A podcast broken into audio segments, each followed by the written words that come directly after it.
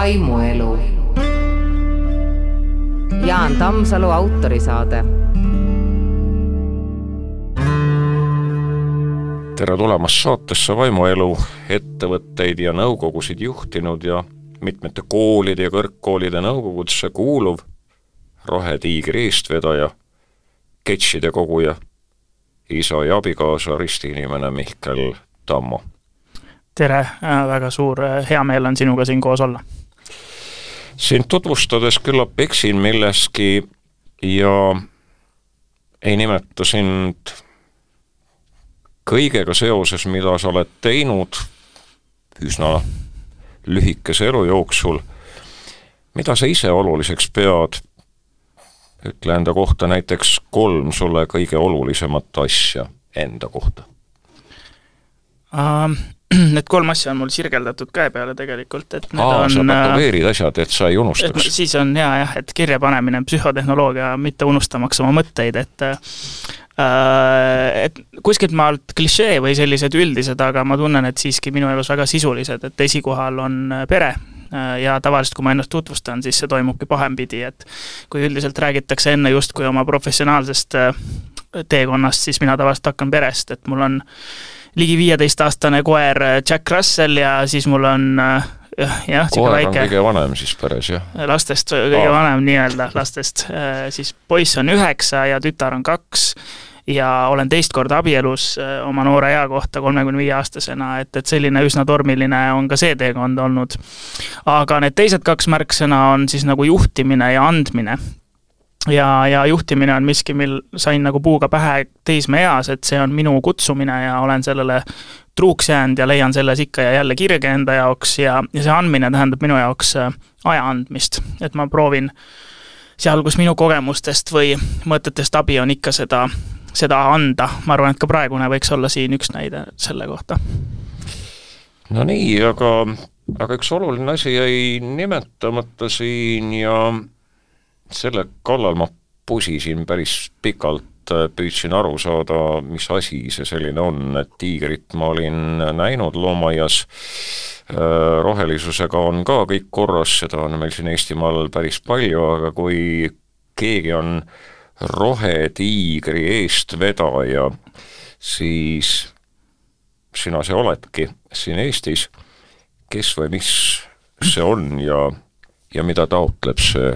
loom, rohetiiger mm. -hmm võib-olla väike niisugune grammatiline täpsustus, et äh, täna eestvedaja ma enam ei ole, ma olen täna nõukogu liige, aga asutaja ja endine eestvedaja küll. ja selline võib-olla strateegiline ideoloog seal alguses, kes selle tiigri kappama pani mingisse, mingisse,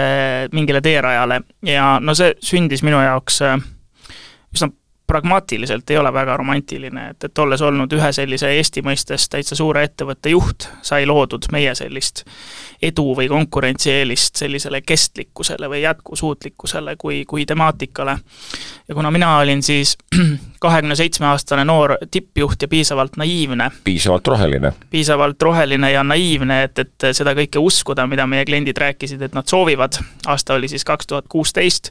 nemad väitsidki, et nad seda kestlikkust soovivad, siis sai sellest teatav edulugu Eestis. aa, sa olid piisavalt naiivne, et seda uskuda?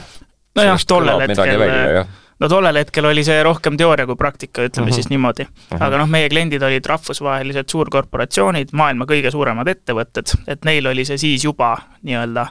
kirjas, et seda nad soovivad enda, enda tegevusega luua, aga ma ütleks, et see igapäevane tegevus ei olnud veel kooskõlas. aga noh, see sättiski mind nagu rajale, et, et me olime niisugune teistest liiga vara selle, selle raja peal. ja, ja kui mina siis olin viis aastat seda ettevõtet juhtinud, siis äh, see oli pereettevõte, minu perekonnaga seotud, siis olin kohe öelnud, et mina eluks ajaks pereettevõtte juhiks ei jää, et tahaks ka teisi kogemusi elus, siis see Rohetiiger, see oli nüüd pikk sissejuhatus, sündiski sellest, et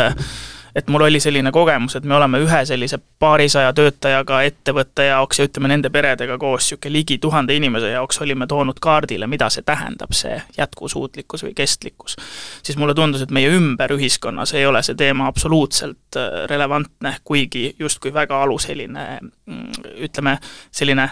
looduskeskkonnaga kooskõla saavutamine, et, et meie oma siis perspektiiv võiks säilida positiivsena siin inimliigina siis Rohetiiger oligi selles mõttes äh,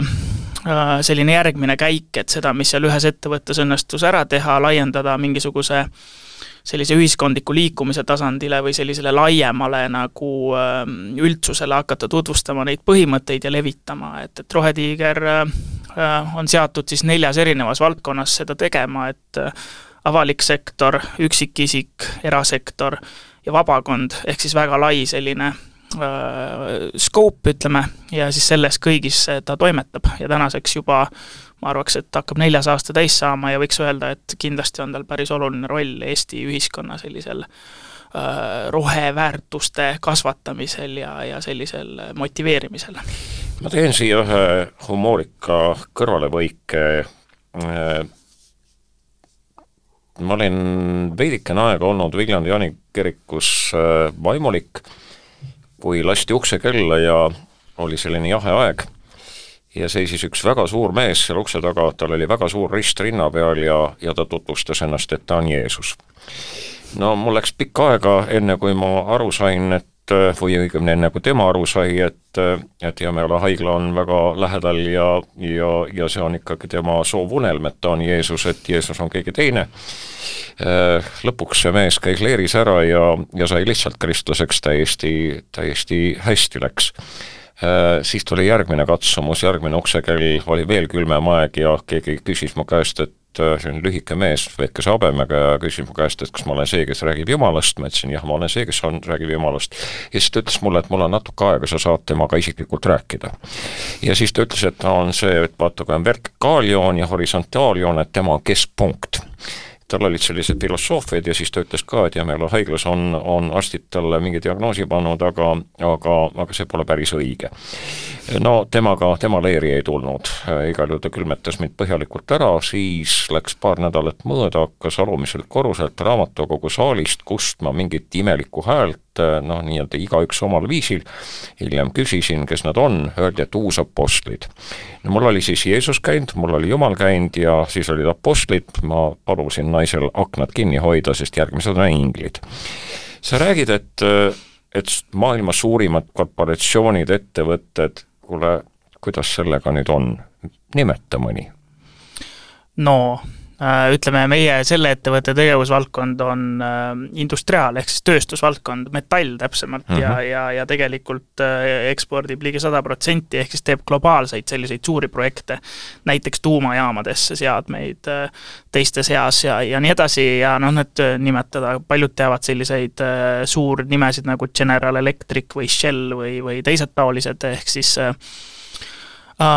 jah, et äh, paljud sellised, kes ehitavad uusi tööstuslahendusi nii energeetikas kui paljudes erinevates sellistes baastööstusvaldkondades, et, et nendega tegelikult see töö nagu käib, kellel on ka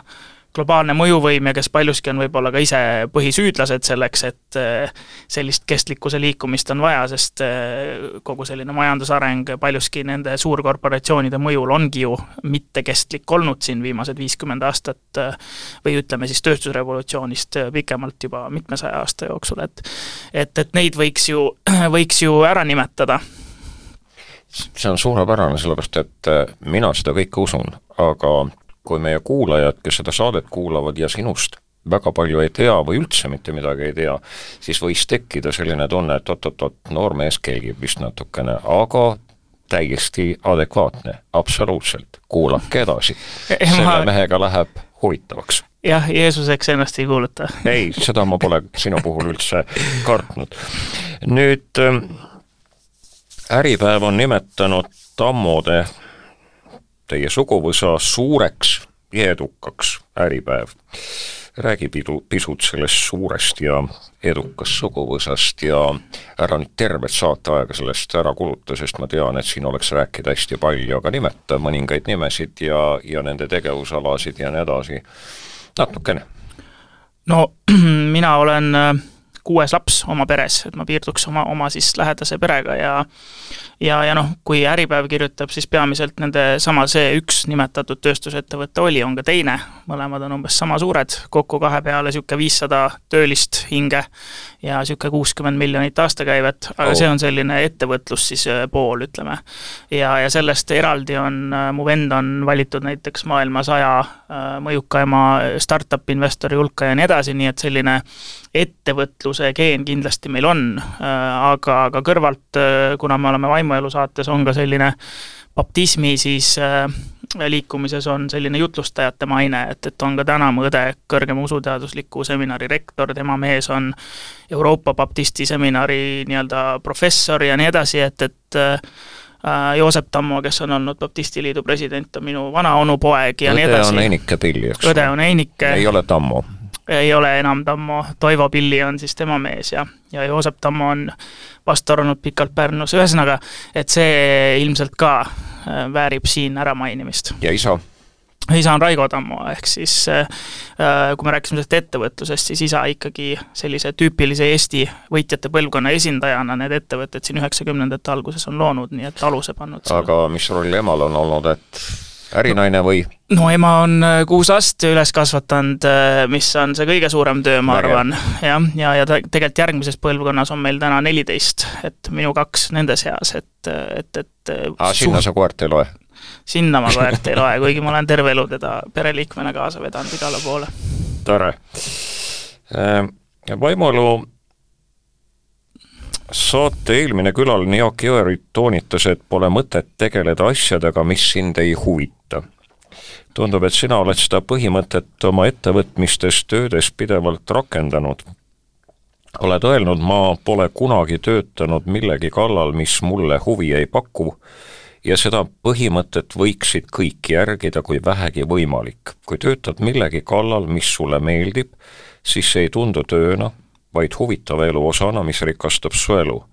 sa ei vaheta oma aega lihtsalt raha vastu. laienda neid ilusaid mõtteid pisut, sest äh, kui sa tegeled äh, mingi tööga või mingite töödega, oled paljudes nõukogudes, kui sa ei teegi seda tööna, see on hästi huvitav, hästi põnev, no millal sa seda koera jalutama viid, millal sa naisega viimati pikalt romantiliselt olid ja nii edasi ja nii edasi, et kas ei ole seal ka seda ohtu, et kõik on nii põnev, kõik on nii huvitav ja, ja täna võib-olla kolmekümne viie aastasena ma arvaks, ma olen selle ütleme, hõivatuse mäetippu sammu ära teinud, käinud ja sealt alla tagasi jõudnud, ehk võib-olla ringi ära teinud. kindlasti oli selline periood, kus äh, oli vaja seda õppetundi omandada, et, et mul oli see, et mul on ka taust nii-öelda kehakultuurist ja, ja tegelikult kogu aeg tegelenud enesearengu ja asjadega ja mingil hetkel võib tekkida see arvamus, et sa oled justkui nagu võitmatu, on ju. aga ühel hetkel see realiteet tuleb kõigile kätte, et, et selline tsükkel justkui elust on nagu läbitud, aga, aga mis puudutab sellesse, et teha seda, mis meeldib, siis noh, seda olen alati usaldanud ja see peamiselt väljendubki selles, et osata öelda ei just nimelt, mitte osata öelda kõigele ja, ja, ja see väljendub ka selles, et saada aru, millal on aeg edasi liikuda, et et seetõttu võingi nagu kolmekümne viie aastasena öelda, et ma olen seda tippjuhi ametit pidanud kõigis sektorites, et erasektoris, vabakonnas ja ka riigis, ja, ja, ja praegu tegelikult, mis mind nagu kõnetab, ongi teiste maailmades olemine, et, et tänu nendele kogemustele saan ma teisi tippjuhte nagu öö, oma kogemustega toetada sellise mentordamise kaudu, et et sellesse ma ise väga usun, aga aga siin ei tasu olla naiivne, et see just nimelt nagu ütlesin, et, et kellel võimalus, et meil on kõigil on, selline mulle väga meeldis see, see vahe, sest, sest kui sul jookseb mingisugune nii-öelda pidev, pidev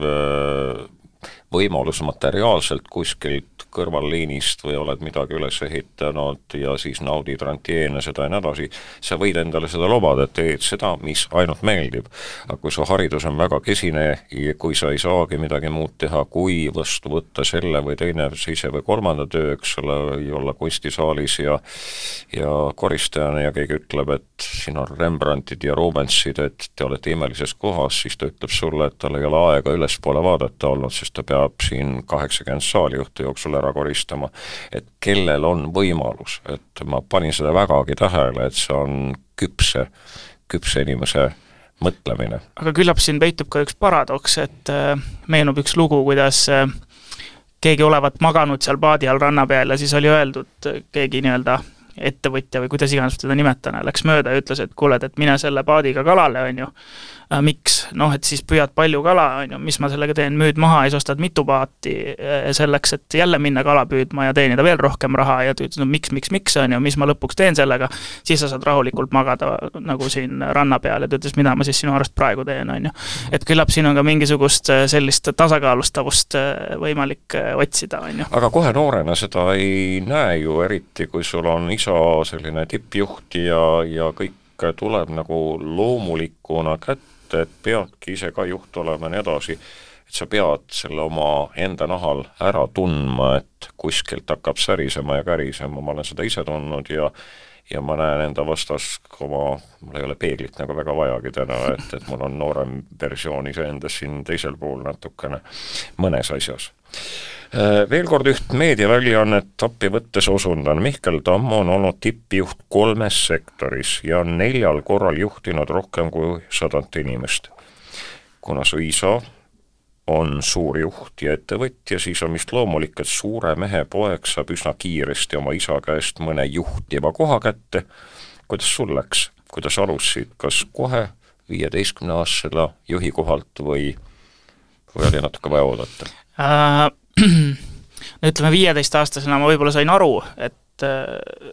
et ma tahan seda teha ja, ja nagu loomulik selles olukorras on, kui sul on sellised näiteks need ettevõtmised perekonnaga, siis ju on see ju parim võimalus selles suunas nagu liikuda. Ja, ja ma ei saa öelda, et mulle keegi midagi takistanud oleks, et ma mäletan väiksest peale, kui toimusid Pärnu juhtimiskonverentsid, mis tol ajal oli kõva sõna, siis mu isa ikka võttis mind sinna kaasa ja kui kõik teised olidki Eesti nagu suured mingisugused tippärimehed, siis mina olin seal üks väike poiss, et, et, et sellised mälestused mul tõepoolest ka on. aga kui ma kahekümne seitsme aastaselt siis olles juba enne tegelikult tegelenud sellise enda ettevalmistamise ja projektidega, sain siis ühe selle pereettevõtte juhiks, siis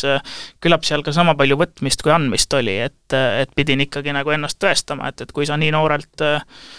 sellise paarisaja inimese juhiks saad ja veel pereettevõttes, siis sellega käib kaasas ka selline teatav riskipool, et on vaja ju tõestada oma kompetentsust, on ju, et, et küllap pidin ma ise ka, ise seda nagu selgitama, et aeg on küps ja, ja ma olen selleks valmis, mida mul õnnestus ka nagu õigustada, et selles mõttes selles mõttes läks hästi, aga ega ma ka ise tollel hetkel ei võinud ju kindel olla, et kõik teooriaga praktikas hea väljenduse leiab. aga, aga sa alustasid ikkagi väga lihtsaltelt ja, ja teenindav, teenindavatelt kohtadelt, et, et mitte kohe tippu. on see vajalik? no ma arvan, et on, et me kõik teame siin, kuulajad paljudki kindlasti seda pilti, et kus linnud istuvad puu peal ja kui sa kohe sinna otsa lähed, siis äh, see perspektiiv on teine, kui sa istud seal selle selle ülemise linnu all, on ju, et et selles mõttes see eesrindlik töö või selline mm, rindel olemine, kutsume siis seda nii, on, ma arvan, hädavajalik, et mõistmaks eri perspektiive, sest juhtimine pole ju valitsemine, juhtimine on teenimine ja, ja, ja selleks, et mõista, on, on vaja, et, et need minu valikud, mis eelnesid, olid suhteliselt teadlikult võetud endale, jah. mida sa tegid?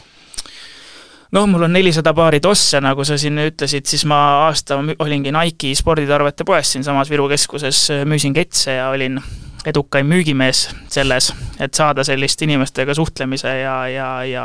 kuidagi veenmisoskust, siis kutsume seda nii, kuigi seal võib-olla ülearu palju seda vaja pole. Ja, ja olen tol ajal tegin oma ettevõtte, et proovida ka seda protsessi algusest peale, kõik raamatupidamised ja turundused ja muu, mis tegeles siis toitumis- ja treeningkavade koostamisega, et, et rohkem kui viiesajale inimesele sai seda mingi aja jooksul sõbraga koos siis tehtud, et et noh, näiteks sellised, aga, aga neid näiteid oli seal veel sekka. Äh, sind, sinu lugu üle vaadates erinevatest kohtadest, seda on võimalik päris paljudest kohtadest leida, erinevatest äh, väljaannetest ja, ja erinevatest videoklippidest, mulle pidevalt tundus, et, et sind on kuidagi suudetud kloonida ja teid, sind peab vähemalt seitse tükki olema, sellepärast et muidu nagu kõike seda nii lühikese aja jooksul ei ole võimalik lihtsalt ära teha, aga aga tundub, et mingi süsteemne äh, käsitlus sul elust on ja kes teeb, see jõuab, on nii või?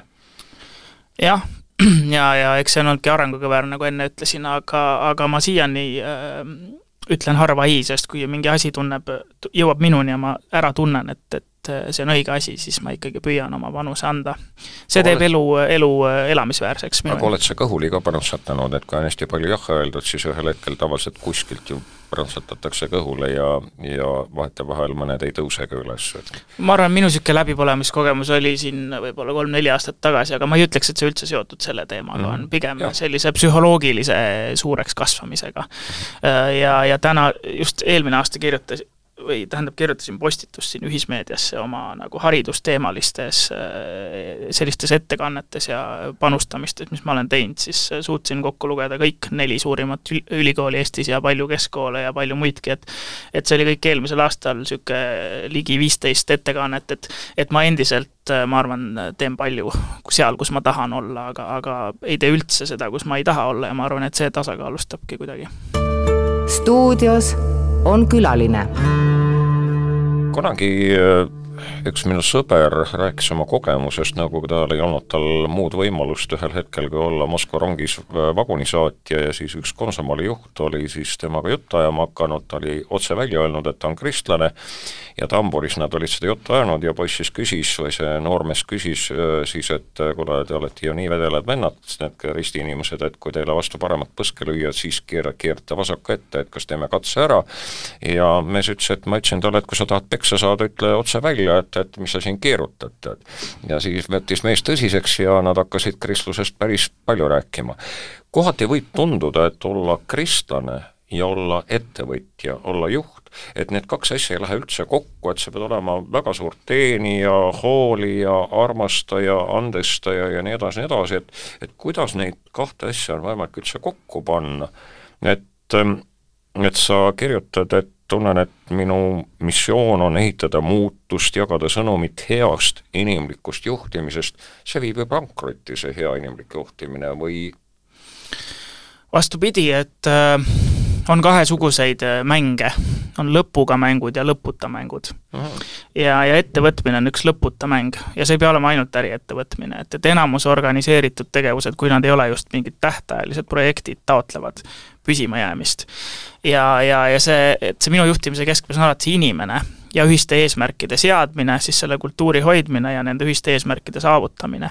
ja, ja, ja, ja see vastupidi sellele pankrotile aitab seda püsimajäämist nagu saavutada, et nii-öelda äh, majandusajalugu alates kaheksakümnendast räägib, kui tekkis selline kvartalikapitalism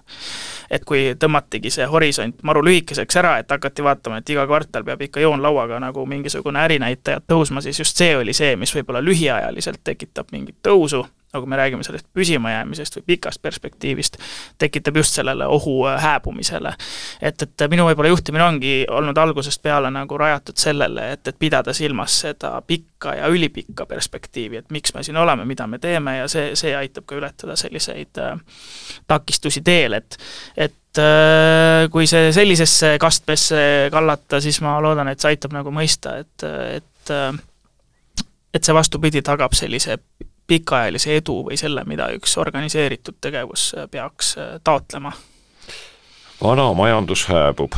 kapital värvub roheliseks, majanduse remondist ei piisa, hoone tuleb lammutada ja ehitada täiesti uus. tsitaat sinult. seleta, kuidas sa seda lammutamist kujutad ja uue ülesehitamist ja milline see uus on?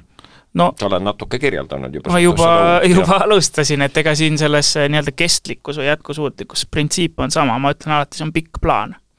Et meie plaanid on praegu selgelt liiga lühikesed, et olgu see mingisugune nelja-aastane valitsustsükkel või mis iganes, eh, seesama ettevõtete kvartali aastatulemused ja nii edasi, et peale mind tulgu või veeuputus, siis noh, tegelikult äh, ei peaks nii vaatama, et kuhu, kui me mõtleks, kus maailm täna on jõudnud, kutsutakse seda modernselt polükriisiks või mis iganes äh, metakriisiks või, või lihtsalt tupikseisuks, siis äh, need näitajad on ju äh, hirmu äratavad, et, et kogu maailm on umbes nelisada protsenti globaalsest SKP-st võlgu, võlad tuleb tagasi maksta, millest koosneb majandus, majandus koosneb energiast ja materjalidest, mis on üleni fossiilsed, ehk siis ei ole jätkusuutlikud, ja tehnoloogiast ja tehnoloogia paradoks on see, et, et kui tehnoloogia areneb, siis on veel rohkem vaja energiat, aga see energia on ikka sellest fossiilsest päritolust. ehk siis me tegelikult oleme mingisuguses äh, nõiaringis või kuidas iganes seda on sobilik nagu kutsuda, ja, ja see asi ongi vaja ära lammutada, et see kogu see, mis meie nagu ühiskondlike tegude vaates tähendab edu, peab olema midagi muud, kui see on täna, et, et täna on meil selline majanduslik superorganism, mis tegutseb kasumite nimel, noh, sipelgapesa on ka superorganism, aga neil on vähe nagu sellised äh, kollektiivsemad eesmärgid, et et see, mis meid on äh, nagu äh, siia toonud ja see, mida me jätkuvalt toidame, meid kindlasti siit edasi ei vii. aga kui ülejäänud maailm, see India, Hiina ja nii edasi käituvad absoluutselt vastupidiselt ja meie siin nii-öelda hästi kallite tehnoloogiatega hakkame siin seda rohepööret äh, nagu tekitama, kas, kas Putin ja, ja need teised ei itsita meie üle ja ei mõtle, et, et te olete ju väga kergelt hõivatavad no.? ma sellest räägin hästi palju, et on eri tasemed, on üksikisik, perekond, kogukond, ettevõte, riik ja siis lõpuks globaalne vaade, et tegelikult tuleb seda muutust kõikidel tasemetel korraga teha. ja noh, see võib kõlada natuke nagu tobedalt, aga äkki on Maya Angelou või ma parafraseerin, täpselt seda tsitaati ei mäleta, aga ei maksa pilgata isegi üksikisiku soovi äh, muuta midagi paremaks, siis see on tegelikult ainus, mis kunagi on seda suutnud, ka globaalsel skaalal. absoluutselt õige. ehk siis, äh, ehk siis äh, ühelt poolt on nii, aga teiselt poolt on ka need äh, ütleme siis sotsiaalsed viisid, kuidas seda saavutada, et ütleme siis Euroopa täna tahab positsioneerida ennast sellises rohemajanduses siis eestvedajaks siis ta mitte ainult ei muuda iseennast roheliseks ja kaota sellega konkurentsivõimes, nagu paljud ette heidavad, vaid tegelikult äh, ta muudab ka oma äh, suhteid teiste partneritega. et näiteks ta ütleb sellele Hiinale või Indiale või noh, Venemaa on täitsa eraldi case, aga ütleme need Venemaa ja India, ütleb, et äh, teie siia enam importida ei saa, kui te ei järgi neid samu reegleid. ja kuna Euroopa on siiski täna kõige rikkam maailmajagu maailmas, siia äh, oma tooteid ja teenuseid müüa soovitakse, siis ta hakkab kaudselt ka seda mujal mõjutama. Äh, aga noh, eks see on loomulikult väga väljakutsuv ja kompleksne probleem, aga selleks on ikkagi konkreetsed meetodid, et seda ka mujal mujal edendada siis, kes ei ole ise võib-olla või tahavadki veel sellest, äh,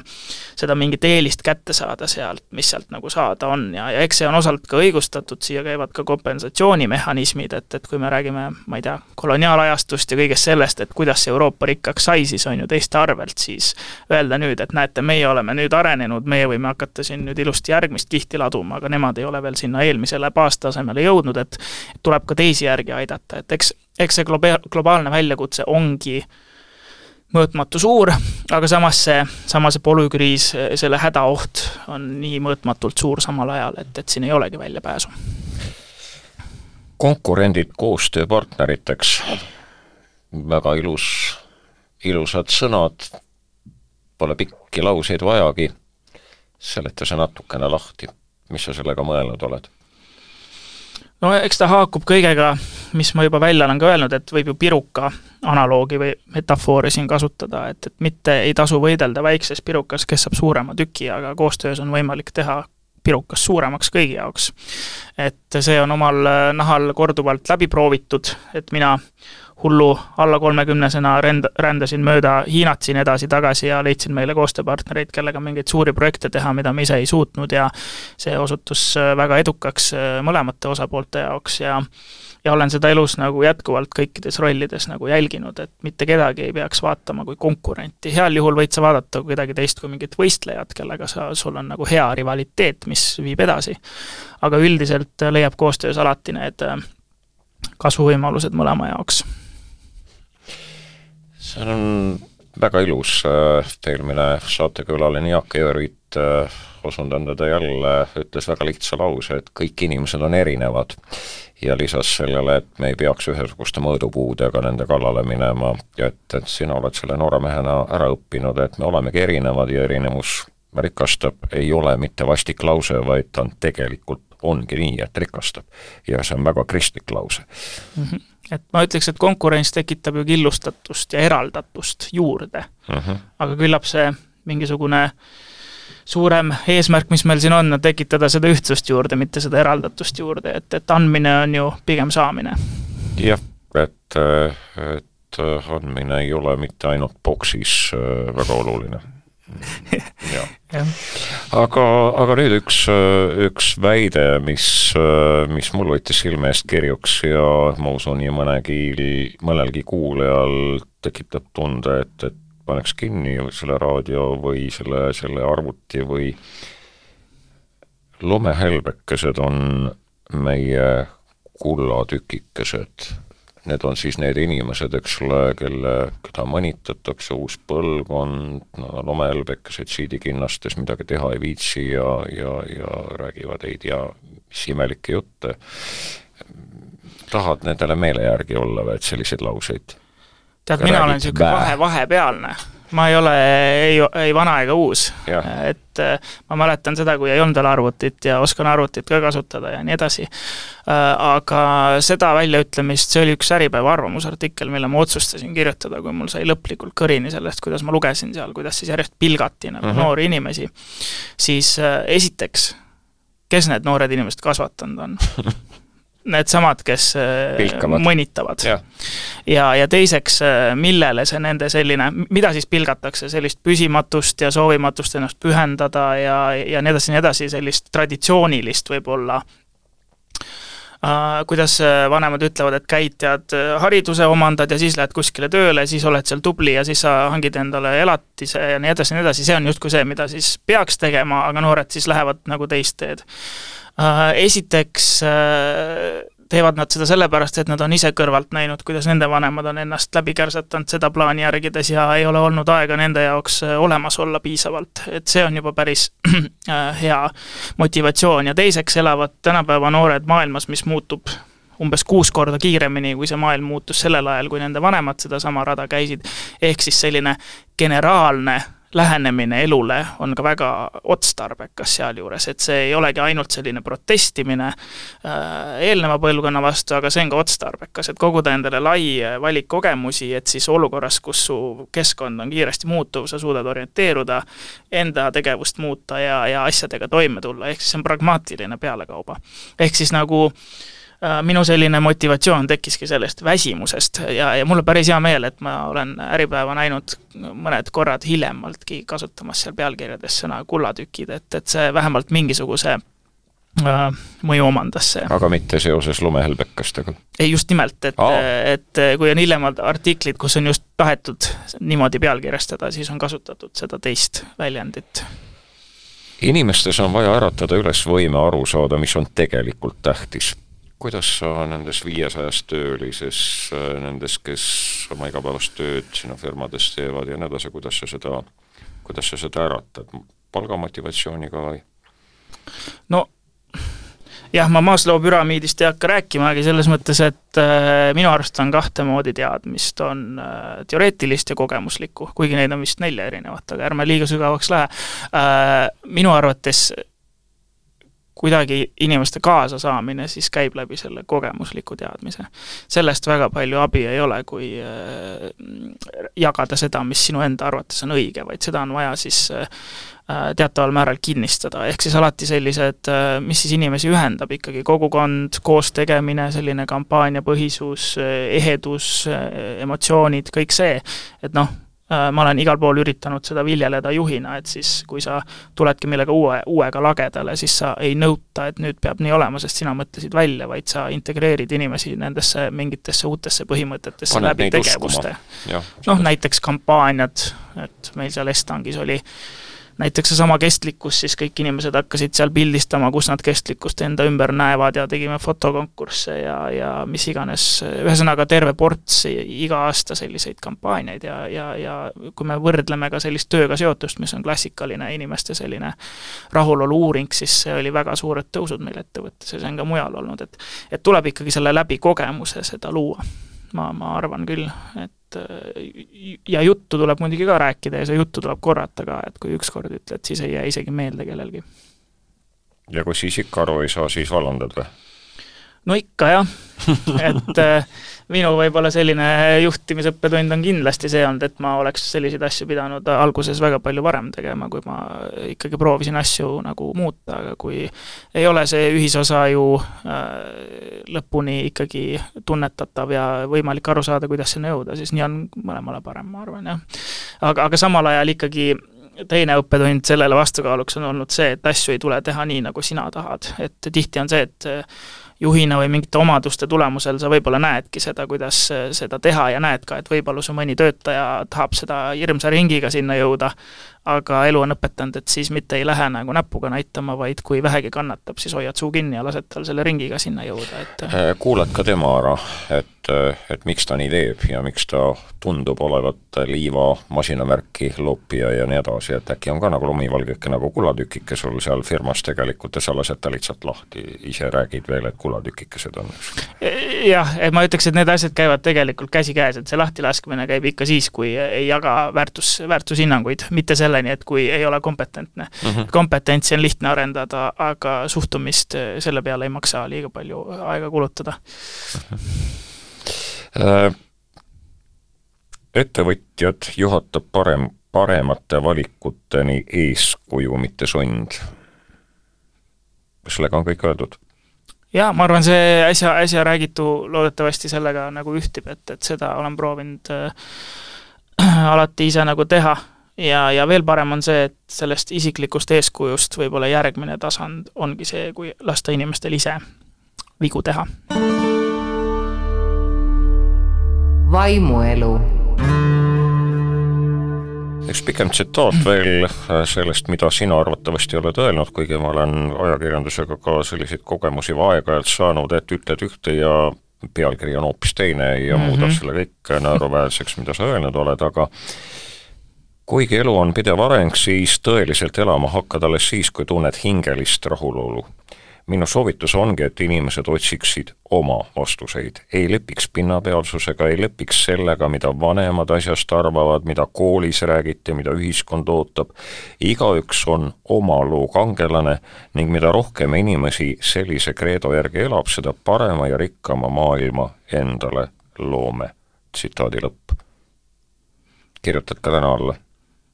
jaa, aga ilmselt äh, mõne kogemuse võrra rikkamana, aga ma ei näe siin otseselt midagi valet jah, et, et ikkagi kui meil on neli sellist intelligentsi, et keha, intelligents, kognitiivne, emotsionaalne ja vaimne, siis vaimne neist on kõige tähtsam, et äh, ja, ja selle ümber tuleb ehitada. aga samal ajal need teised ei ole ka, ütleme nii, et need kõik on omaette oskused või klaasid, mida tuleb siis omal moel täita, et, et ükskõik, millise sa tähelepanu jätad, siis siis see taburet kukub ikka ümber, et, et ükskõik, kui sa ka oma keha eest ei hoolitse või kui sa oma emotsio-, emotsioonidega ei tegele või oma mõttemaailma või teadmistega ei tegele, vahet pole, kõik kukuvad. aga mis siis nende ikkagi see nagu jäävam on, siis minu elukogemus on ikkagi selgelt, et see vaimne on siis see vundament. sa oled äh, RAM-i kooli, see peaks olema Rocca al Mare, siis erakooli äh, vanemate kogu liige, TalTechi strateegianõukogu liige, oled öelnud tahaksin aidata viia haridusse rohkem individuaalsust, et lapsed saaksid oma haridustee kujundamisel rohkem ise rolli mängida. et neist kasvaksid õnnelikumad ja ühiskonnale kasulikumad inimesed. kas seda on võimalik seal nendes vanematekogudes, strateegianõukogudes, kas äh, tuleb välja või oled no see püüdlus on äh, igal äh,, igas rollis olnud, mis ma olen teinud, seal hariduse valdkonnas on neid nagu äh, omajagu äh,, annan loenguid TalTechis ja ja EBS-is ja Tartu Ülikoolis olen teadlaste nõustaja, et äh, kes soovivad teadusest Oota, ettevõtlust teha. haridus on sul Äh, ma ei ole isegi ülikooli lõpetanud. ja üt... nõustad teadlasi? no ma õpetan ka doktorante, et äh, selles mõttes, et mina olin äh, keskkooli ajal niisugune aktiivne hariduse vastane, võib-olla on see oluline, niisuguse formaalse hariduse vastane. aga, aga sealt kuskilt kasvas see missioon seda mingil moel siis ümber korraldada või anda vähemalt mingisugune panus selle no missioon võib olla, aga, aga kes sellist lolli kutsub, kes ei ole ise veel ülikooliga lõpetanud ja nii edasi, siis midagi peab seal ikka olema no vot, ei tea, ise ka imestan vahepeal, et äh, ise ka imestan, jah äh, aga noh, ma olen äh, ka sellisel juhtimiskoolituse tasemel käinud Hispaanias ennast täiendamas äh, väga heas koolis, on ju, et, et aga see ei ole selline kraadiga või paberiga asi, on ju, et et, et tegelikult äh, personaalsus on jah, selline märksõna, see on tegelikult juba mõnda aega tagasi võetud tsitaat, ma arvan, see on endiselt teema, aga sealt peaks veel edasi vaatama, et mida me üldse õpetame. et ma arvan, et inimkonnas on väga palju unustatud või uinunud olekus oskusi, mida koolides ei õpetata, et me võime rääkida aju paremast ja vasakust poolkerast, siis koolis õpetatakse seda, mida see vasak poolkera siis paljuski tahab, et sellist lineaarsest ja loogilist, aga seda, mis nagu tervikut kokku paneb ja seda kogemuslikku, ütleme nii, et see vasak peaks selle parema tööriist olema, siis seda, mida see parem ajupoolkera, et seda arendada tehakse koolis liiga vähe, nii et üks asi on jah, see personaalsus, aga teine asi on üldse need mingid oskused üles äratada võiks, mis on meil uinunud asendis ma olen lõpmata tänulik, et ma täiesti juhuslikult ja protestivaimus läksin õppima ehitust Tallinna Ehitusmehaanika Tehnikumi, sest see oli kool, kus üks kolmandik ajast pühendati praktikale, teooriat ja siis koolist välja, ise krohvima, ise trepimademit paika panema ja nii edasi. Ja kui ei läinud, siis olid seina valesti ehitanud ja said teooriast väga hästi aru. saan sinust ülihästi aru, et, et see praktiline pool ja asjade kokkuviimine ja nii edasi, et see on, see on nõrga küll jah, paljudes koolides tänasel päeval, nii et selleni on veel, need PISA testid on, on toredad asjad, aga, aga mingi üks pool jah, jah nüüd äh, üks väike kõrvalepõige, liikusid eraettevõtlusest äkki Ettevõtluse Arendamise Sihtasutusse ja sinust sai EAS-i Ettevõtluse ja Innovatsioonikeskuse direktor. kirjutad, vajame fookust, milliseid ähm, kokkuvõtteid sellest perioodist oma elus võiksid teha, kas, äh, kas õnnestus see, mida sa sinna tegema läksid või said aru, et et pole väga mõtet? Äh, õnnestus, esiteks ma läksin riiki sellepärast, et ma tahtsin õigust äh, vabandust väljenduse pärast, kobiseda riigi asjus. ja mulle tundus, et kui ma ise ei ole seda kogemust omandanud, siis mul ei ole justkui õigust arvamust avaldada, et see oli mu esimene motivatsioon. aga, aga teiseks, tegelikult see oli see eraettevõtlus, siis tuli see rohetiiger ja siis tuli see avalik sektor, et see ikkagi oli ka selles mõttes loomulik jätk, et sellest eraettevõttest ühiskondlikuks liikumiseks riik üks selle põhiline partner, et seal üritada siis seda kestlikkuse temaatikat samuti äh, edendada, mis oli nullseisus ja, ja kuhu mind siis kutsuti ja tegelikult ma olin seal äh, poolteist aastat, rohkem nagu ei olnud vaja. ja selle aja jooksul õnnestus ikkagi seal äh, organisatsioonis luua kestliku arengu struktuuriüksus ja, ja täna tegelikult ettevõtetele pakutakse selles valdkonnas nagu teenuseid, et kui Rohetiiger oli selliste Eesti suurimate ja eestvedajate ettevõtete kooskäimiskoht, siis selleks, et see riigis leviks ka selliste keskmiste keskmise suurusega või ja nii edasi ettevõtete juurde oligi vaja seda riiklikku pakkumist tekitada ja kui ma sealt ära tulin, siis need teenused olid juba kõik töös ja täna neid pakutakse, nii et ma äh, tunnen, et ma selles vaates võin olla äh, rahul sellega suhteliselt lühikese ajaga, mis tegelikult seal sai veedetud kuulajatele ehk äh, lihtsalt üks väikene nüanss siia juurde, et meil on ikka mingi järjepidevus ka, mitte ainult see, et ma meenutan, mida eelmine saatekülaline ütles, aga aga selle saatekülalise on siia laua taha juhtinud tegelikult mees, kes kutsus siin teda ka sinna EAS-i äh, seda poolt juhtima, nimelt Peeter Raudsepp, kes on olnud ka saatekülaline siin, linnuvaatleja, Jaani koguduse pikaaegne juhatuse esimees ja nii edasi. nüüd ähm, sinu ümber on nii palju ristiinimesi, baptiste, kes võtavad oma kristlaseks olemist väga-väga tõsiselt, jõuame lihtsalt korraks äh, selle juurde, et sa oled väga kriitiliselt vaadanud juhtimist, vaadanud seda, mis maailmas toimub ja nii edasi, et kui sa nüüd korraks äh, lootes, et ükski sinu sugulastest, äh, baptistidest, äh, sa oled ise ka baptist ju, äh, seda saadet ei kuula, siis mida sa ütleksid, kui sa, sind kutsutakse praegu näiteks noh, tekitatakse selline asi nagu, nagu kõikide kirikute mingi ühisosa ja ja sa hakkad seda juhtima, kuhu sa seda juhiksid, mida sa näed praegu kirikus, mida peaks tingimata tegema, oleks minu tegemine, teiseks minu olemine hea küsimus. ma ei tunne ennast kuidagi kompetentsena vastama, aga aga, aga on siin, on, on midagi, millest sa oled ise puudust tundnud, sa käid ju kirikus, sa no sa oled... ma ei käi iga pühapäev kirikus äh,, aga, aga noh, ma olen kasvanud kirikus mm -hmm. ja, mhm. ja ma endiselt jagan kõike seda, mida seal nagu tehakse ja mõeldakse ähm, ja need väärtused on omased, siis äh, no küllap üks asi äh,, millega ma tunnen teatavat seesmist vastuolu, ongi see, et selline äh, kogukond on selgelt see märksõna. Äh, lisaks sellele isiklikule äh, kogemusele, et kuskilt maalt ühest sellisest väga mehhanistlikust protsessist tahaks vaadata ka sellist äh, kirikut kui sellist eh, samamoodi psühholoogilist tehnoloogiat, on ju, et, et on justkui miski, mis peaks aitama inimesel jõudmagi nende sügavamate taipamisteni elu ja kõige selle kohta, mis eh, aitaks tal elada nagu hoopis teistsuguse väärtusega elatud elu, et, et üks pool on nagu see, et kas kirik seda pakub, ma arvan, et enamasti pakub, aga see on natuke või nagu päris palju selle inimese enda teha, et ta selle kogemuse suudab sealt kätte saada, et äh, et kui seda saaks kuidagi veel paremini äh, nii-öelda deliver dada, siis oleks ju hea, aga et see töötaks, et see, mida seal kõneldakse ja nii edasi, et see töötaks inimeste igapäevases elus, aitaks neil elada, aitaks neil tööd teha ja nii edasi, et see mm -hmm. selles asjas oleks, et lähed sealt ära ja saad mingisuguse sellise tõsise mm -hmm tõsise energia mingis suunas edasi liikuma hakata, mingid asjad ära lõpetada oma elus mm, -hmm. mingid asjad, seda sa mõtled või? jaa, ja kui meil on elus sellised asjad, nagu inglise keeles ütlen, nagu showing up ja cleaning up ja growing up ja siis on ka waking up, ehk siis nagu ärkamine, siis ma arvan, et seda ma olen palju selle peale mõelnud, et kas seda saab keegi ka aidata või on see ikkagi siis, kui ise oled valmis ja, ja küllap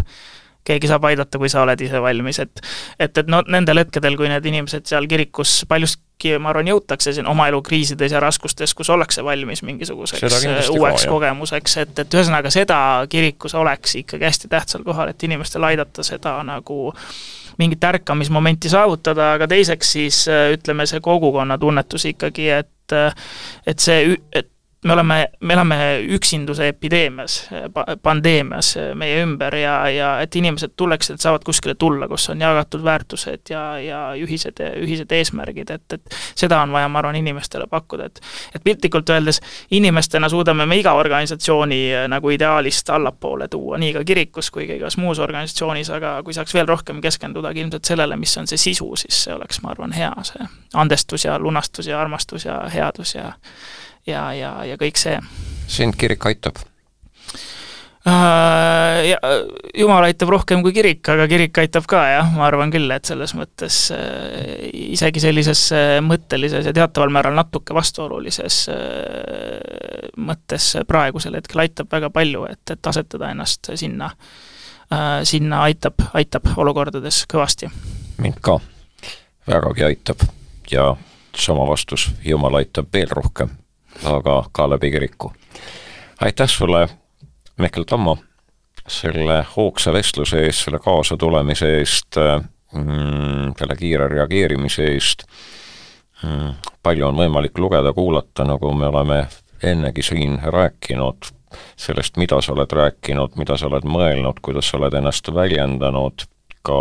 väga, väga kontrastselt nii et kel huvi, siis minu jaoks oled sa üks suurimaid selle sajandi üllatusi,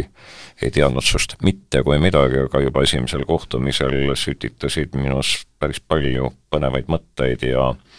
ja väga suur tänu, et sa ka sellesse saatesse tulid. aitäh ja, ja suur au on siin olnud viibida. mõtisklus. ajad on kummalised Neid, kes on hädas, kitsikuses on palju. Neid, kes ei tea, kust otsida abi, on palju. mis sellest maailmast saab? meil siin tuulisel maal on paljudes asjades väga hästi. saime imeliselt vabaks. alustasime nii vähesega, aga üsna kiiresti sai noor riik jalad alla, aga nüüd taas tõusevad uut tüüpi haigused ja mitte ainult meditsiinilised. tõusevad elektri, gaasi ja kütuse hinnad, nii paljud on väsinud ärevuses või masenduses või segaduses. minu mure, ei ta sure, ei ta uinu magama, ei ta väsi, ei ta oota, ei ta rahu ihalda, ei ta on õhtul väsinud voodi mure, tema enne sääl, vaovad vahest silmad kinni, tema istub kulmu peal. Ärkan hommikul ma üles, mure juba enne ees. mure seda juba ootas, sõber kogu päeva sees. nii kirjutas muide Juhan Liiv juba ammu-ammu. aga muretsemine ju ei aita, ei lahenda ühtegi probleemi. mis siis aitab? mida peaksime tegema? kust otsima abi? Vana-testamendi prohvet pöördub mures kõige väelise poole ja ütleb, issand, ole meile armuline, me ootame sind. ole meie käsivars igal hommikul, ole meie abi kitsikuse ajal, issand, on kõrge, sest ta elab kõrgel, tema täidab siiani õiguse ja õiglusega, tema on su aegade tagatis, abiküllus, tarkus ja tunnetus, issanda kartus, see on siiani rikkus. asjad tuleb vist õigesse järjekorda seada. Pole mõtet jooksma hakata, kui enne pole mõeldud, mis suunas peaks jooksma. Pole mõtet hakata tegutsema, kui enne pole selgeks tehtud, mis on oluline. Martin Luther on kord öelnud, et tal on täna nii palju vaja teha, et ta peab enne, kui selle kõigega alustab, kõigepealt paar tundi palvetama paljud ristiinimesed elavad täiesti teistsuguste reeglite järgi, nad muudkui tegutsevad ja aega palveks ei jäägi, heal juhul pea padjale ja meie isa ja ongi kadunud, ongi uni tulnud, väsinud. aga see pole ju palvetamine. Vana-testamendi prohvet palub, issand, ole meile armuline, sest me ootame sind, ole meie käsivars igal hommikul, ole meie abi kitsikuse ajal, sina, issand, täidad, sind ootavad lapsed oma koguduse õiguse ja õiglusega sina oled meie aegade tagatis, abi, küllus, tarkus ja tunnetus, meie rikkus on sinu armastus ja kartus. prohvet teab üht lõpmata olulist tarkust. issand on su aegade tagatis, abiküllus, tarkus ja tunnetus. kuid kas meie usume seda? me ei pea ennast muretsema halliks ja haigeks, kujundades hirmu, kujutades hirmuga ette seda, kui halvasti võib meie käsi või meie armsate käsi käia järgmistel päevadel, kuudel või aastatel. issand on oma laste aegade tagatis. meie ei pea ju mõtlema, et meist ei hooli mitte keegi ja vaevalt, et keegi meid natukenegi aitab, kui me hätta satume. meie ei pea nagu krõõsused koguma täna asju, mõeldes, et hädas oleme me kindlasti üksi ja siis läheb neid asju vaja, neid paljusid asju. prohvet teab, et issand on oma laste abi ja mitte lihtsalt abi, vaid abiküllus. tema on ka meie tarkus ja tunnetus. lugedes tema sõna, palvetades, vaikseks jäädes, kuulates pühakojas või raadios juhatust, mille läbi issanda sõna meid juhatab, ei tule meil ju puudus tarkusest ja tunnetusest. meie ei pea muutuma kergelt manipuleeritavaks hirmunud massiks. me suudame mõelda, teha järeldusi ja taibata tõde. me suudame seda, kui võtame aega jääda vaikseks ja lasta end juhatada temal, kes on armastus, tee, tõde ja elu. Teedi Tüür muide ka, baptist, on kord kirjutanud Kristusest. laik sinist taevast tormiste pilvede keskel, neeme rahulik vari mässamas meres, õitsev karikaka rohakate seas sagar kohut-, kosutavat vihma põutsele põllule, helendav tähesilm pimeda öö südames. seda oled sina, sõber, mu valude päeval. vaimuelu